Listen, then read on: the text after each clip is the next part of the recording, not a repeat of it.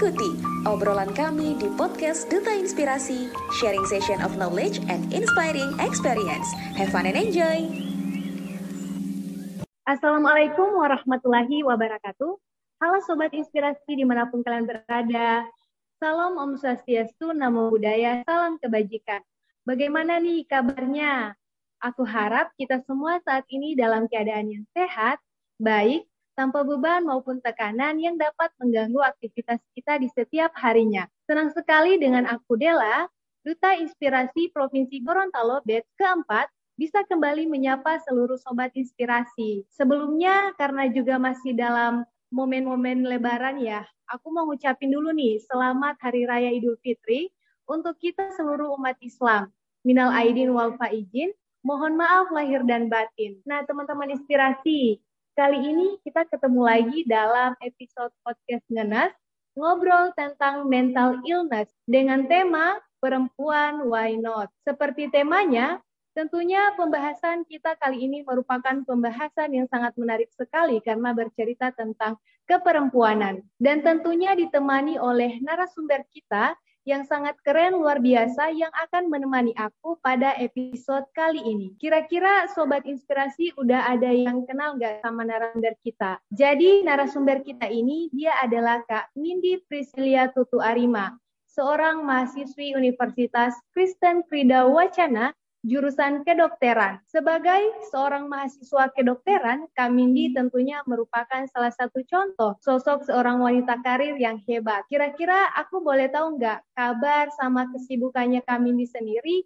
sekarang apa aja. Sekalian Kak Mindi juga bisa menyapa juga nih seluruh sobat inspirasi Oke, halo Kak Dela dan sobat inspirasi. Sebelumnya aku mau bilang uh, makasih udah diundang dan diberikan kesempatan untuk ngobrol di sini dan ya buat aku uh, buat Kadela dan teman-teman muslim kita sekali lagi aku mau ucapin selamat hari raya Idul Fitri dan mohon maaf lahir dan batin ya dan seperti yang tadi sudah disampaikan sama Kadela mungkin aku mau sedikit perkenalan kali ya. Halo semuanya, perkenalkan aku Mindy, aku asalnya dari Ambon tapi sekarang lagi stay di Jakarta. Aku anak mahasiswa kedokteran dari salah satu universitas di Jakarta yaitu uh, Ukrida. Dan sementara ini aku juga adalah mahasiswa tingkat akhir gitu. Dan kalau ditanya kabar puji Tuhan kabar aku sekarang baik. Dan untuk kesibukan atau keseharian aku belakangan ini aku lagi menyelesaikan tugas akhir aku yaitu skripsi dan aku juga sama teman aku juga lagi merintis di dunia bisnis dan kemudian pelayanan juga karena aku ikut komunitas juga di gereja jadi sekarang lagi aktif-aktifnya pelayanan gitu Kak Adila. Iya terima kasih banyak atas perkenalannya Kak Mindi. Nah Kak di episode kali ini kan kita mengangkat satu tema yang sangat menarik nih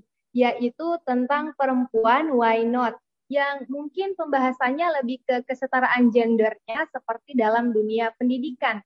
Nah, dari Kak Mindi sendiri, mana nih menurut Kakak, kenapa kita sebagai perempuan harus punya yang namanya kesetaraan gender? Oke, pembahasan kali ini menarik ya Kak Dila ya. Oke, kalau bicara soal kesetaraan gender, sebenarnya sampai saat ini kayaknya kita yang kaum kaum perempuan ini kayaknya apa ya masih tetap menyuarakan gitu mengenai hal ini ya karena kayak masih ada patriarki gitu kan. Dan e, sebenarnya kalau bicara soal kesetaraan gender itu menurut aku nggak salah sih, tapi yang salah itu kalau misalkan e, ada munculnya ketidakadilan gender gitu. Karena kalau dilihat sampai saat ini perempuan itu masih kayak dinomorduakan gitu kayak objek pelengkap dari laki-laki gitu. Kemudian masih juga kayak dianggap lemah dan terlebih lagi kalau misalkan uh, ada pola pikir yang kayak peran perempuan itu kayak hanya sebatas kerja di dapur ngurus anak ngurus suami rumah tangga gitu kan. Dan menurut aku hal itu aja udah kayak uh, mencerminkan gak adanya apa ya kesetaraan gender gitu. Di mana kita yang perempuan ini kayak nggak diberikan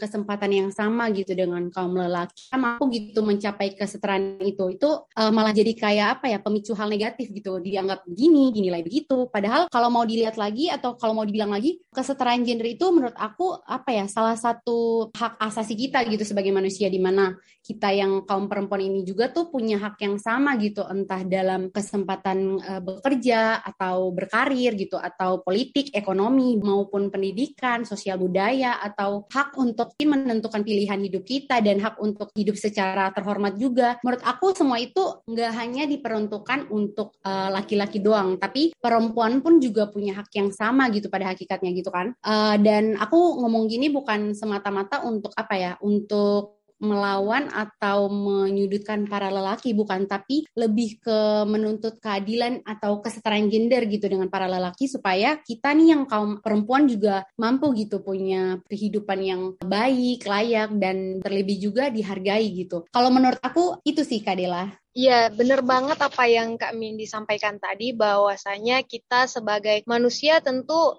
sebenarnya mempunyai yang namanya hak asasi manusia. Jadi antara laki-laki maupun perempuan dia berhak menentukan apa keinginan maupun harapan yang ingin digapai olehnya. Oke, kita lanjut ke pertanyaan selanjutnya ya Kak. Terus kenapa juga kita sebagai perempuan itu harus punya yang namanya pendidikan Kak? Bahkan jika perlu kita harus bisa memiliki pendidikan yang setinggi-tingginya. Itu kalau dari Kak Mindi sendiri, menurut Kak Mindi pandangannya itu tujuannya untuk apa? Kalau bicara soal pendidikan yang tinggi, sebenarnya menuntut ilmu setinggi-tinggi itu uh, menurut aku itu hak semua orang ya tanpa kita harus uh, mandang gender dia laki-laki atau perempuan, tapi kebanyakan ya itu yang tadi aku bilang, masih ada stigma kalau perempuan ngapain sih harus berpendidikan tinggi gitu. Toh juga nanti ujung-ujungnya nikah terus megang dapur, ngurus anak, suami, rumah tangga gitu kan. Padahal kalau mau dibilang meraih pendidikan yang tinggi itu sebenarnya nggak ada yang percuma sih, walaupun nanti berakhir dengan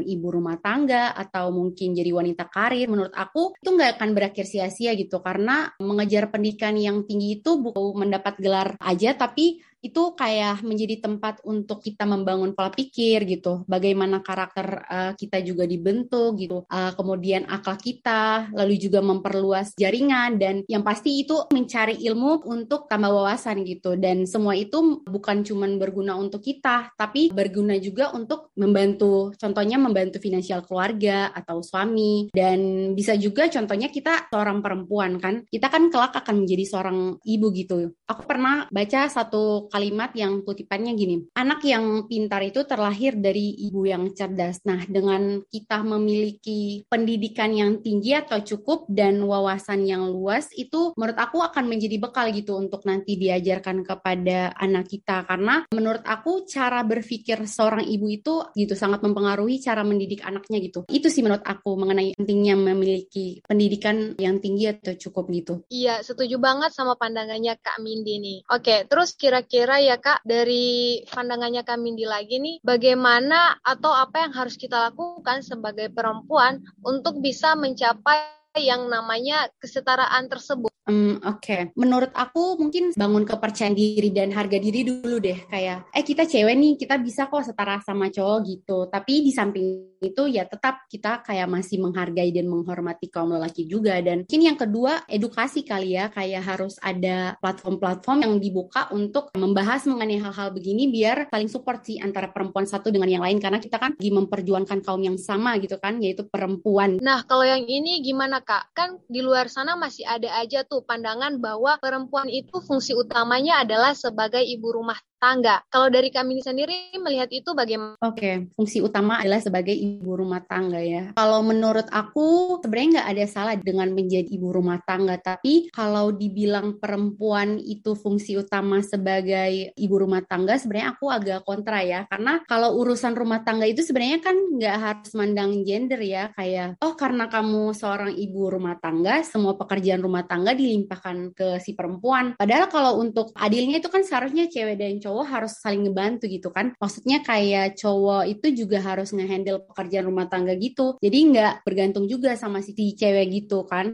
Intinya menurut aku gimana kita saling bagi waktu dan saling pengertian aja sih sama pasangan kita. Iya betul, setuju banget sama Kak Mindi nih. Karena pada dasarnya kan kodratnya perempuan itu ada tiga, yaitu melahirkan, menstruasi, maupun menyusui. Nah, selebihnya urusan rumah tangga seperti mencuci pakaian, mencuci piring, dan lain sebagainya itu juga bisa dilakukan oleh kaum pria iya. agar tidak ada yang merasa terbebani hmm. gitu. Oke, mungkin satu pertanyaan lagi dari aku Kak, karena mengingat waktu kita hanya terbatas juga ya. Terus gimana tuh Kak buat membangun kesadaran para perempuan di luar sana bahwa sebagai perempuan itu kita juga sebagai sebenarnya bisa melakukan kegiatan lain selain menjadi ibu rumah tangga tersebut. Oke, menurut aku selain menjadi ibu rumah tangga, kita yang perempuan sebenarnya juga bisa kok menjadi wanita pekerja atau dikatakan wanita karir gitu kan. Karena kedua hal ini sebenarnya bisa kita jalani, tapi ya tergantung kembali ke pilihan masing-masing gitu kan. Karena kalau dilihat zaman sekarang tuh perempuan sekarang tuh multitasking gitu. Selain ngurusin anak, dia juga bisa ngurusin karir gitu. Dan menurut aku nggak ada salahnya juga dengan mengembangkan potensi-potensi. Intinya mau jadi wanita karir atau ibu rumah tangga, menurut aku itu dua-duanya itu pekerjaan mulia dan harus patut untuk dihargai gitu. Apa pun perannya dan kalau punya dasar yang tepat itu menurut aku nggak salah gitu. Karena standar perempuan itu beda-beda. Dari pengalaman hidup aku, aku mungkin belajar kali ya tiga hal, yaitu yang pertama mungkin ketahui diri kita sendiri, kemudian ketahui juga potensi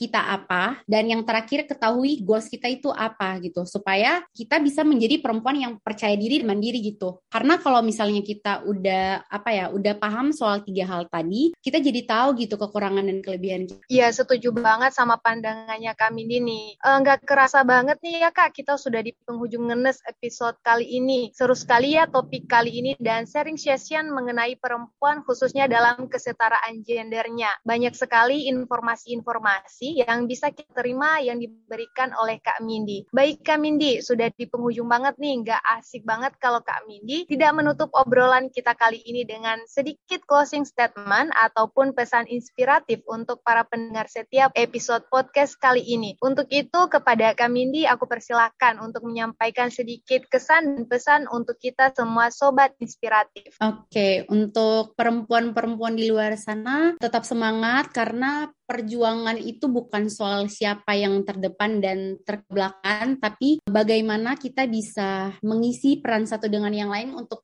tetap saling support terlepas dari gendernya apa. Karena menjadi perempuan hebat itu nggak cukup namun jadilah perempuan hebat yang bermanfaat itu sih mungkin dari aku. Thank you Kak Dela. Terima kasih banyak Kak Mindi atas closing statement dan pesan inspiratif yang sudah diberikan untuk kita semua. Semoga Sobat Inspirasi semua selalu dalam keadaan yang sehat dan tetap semangat dalam menjalani aktivitas-aktivitas kita di setiap harinya. Sekali lagi aku ucapin terima kasih banyak kepada Kak Mindi yang sudah berkenan hadir dan menyempatkan waktunya untuk menjadi narasumber serta menemani obrolan di Ngenes kita kali ini.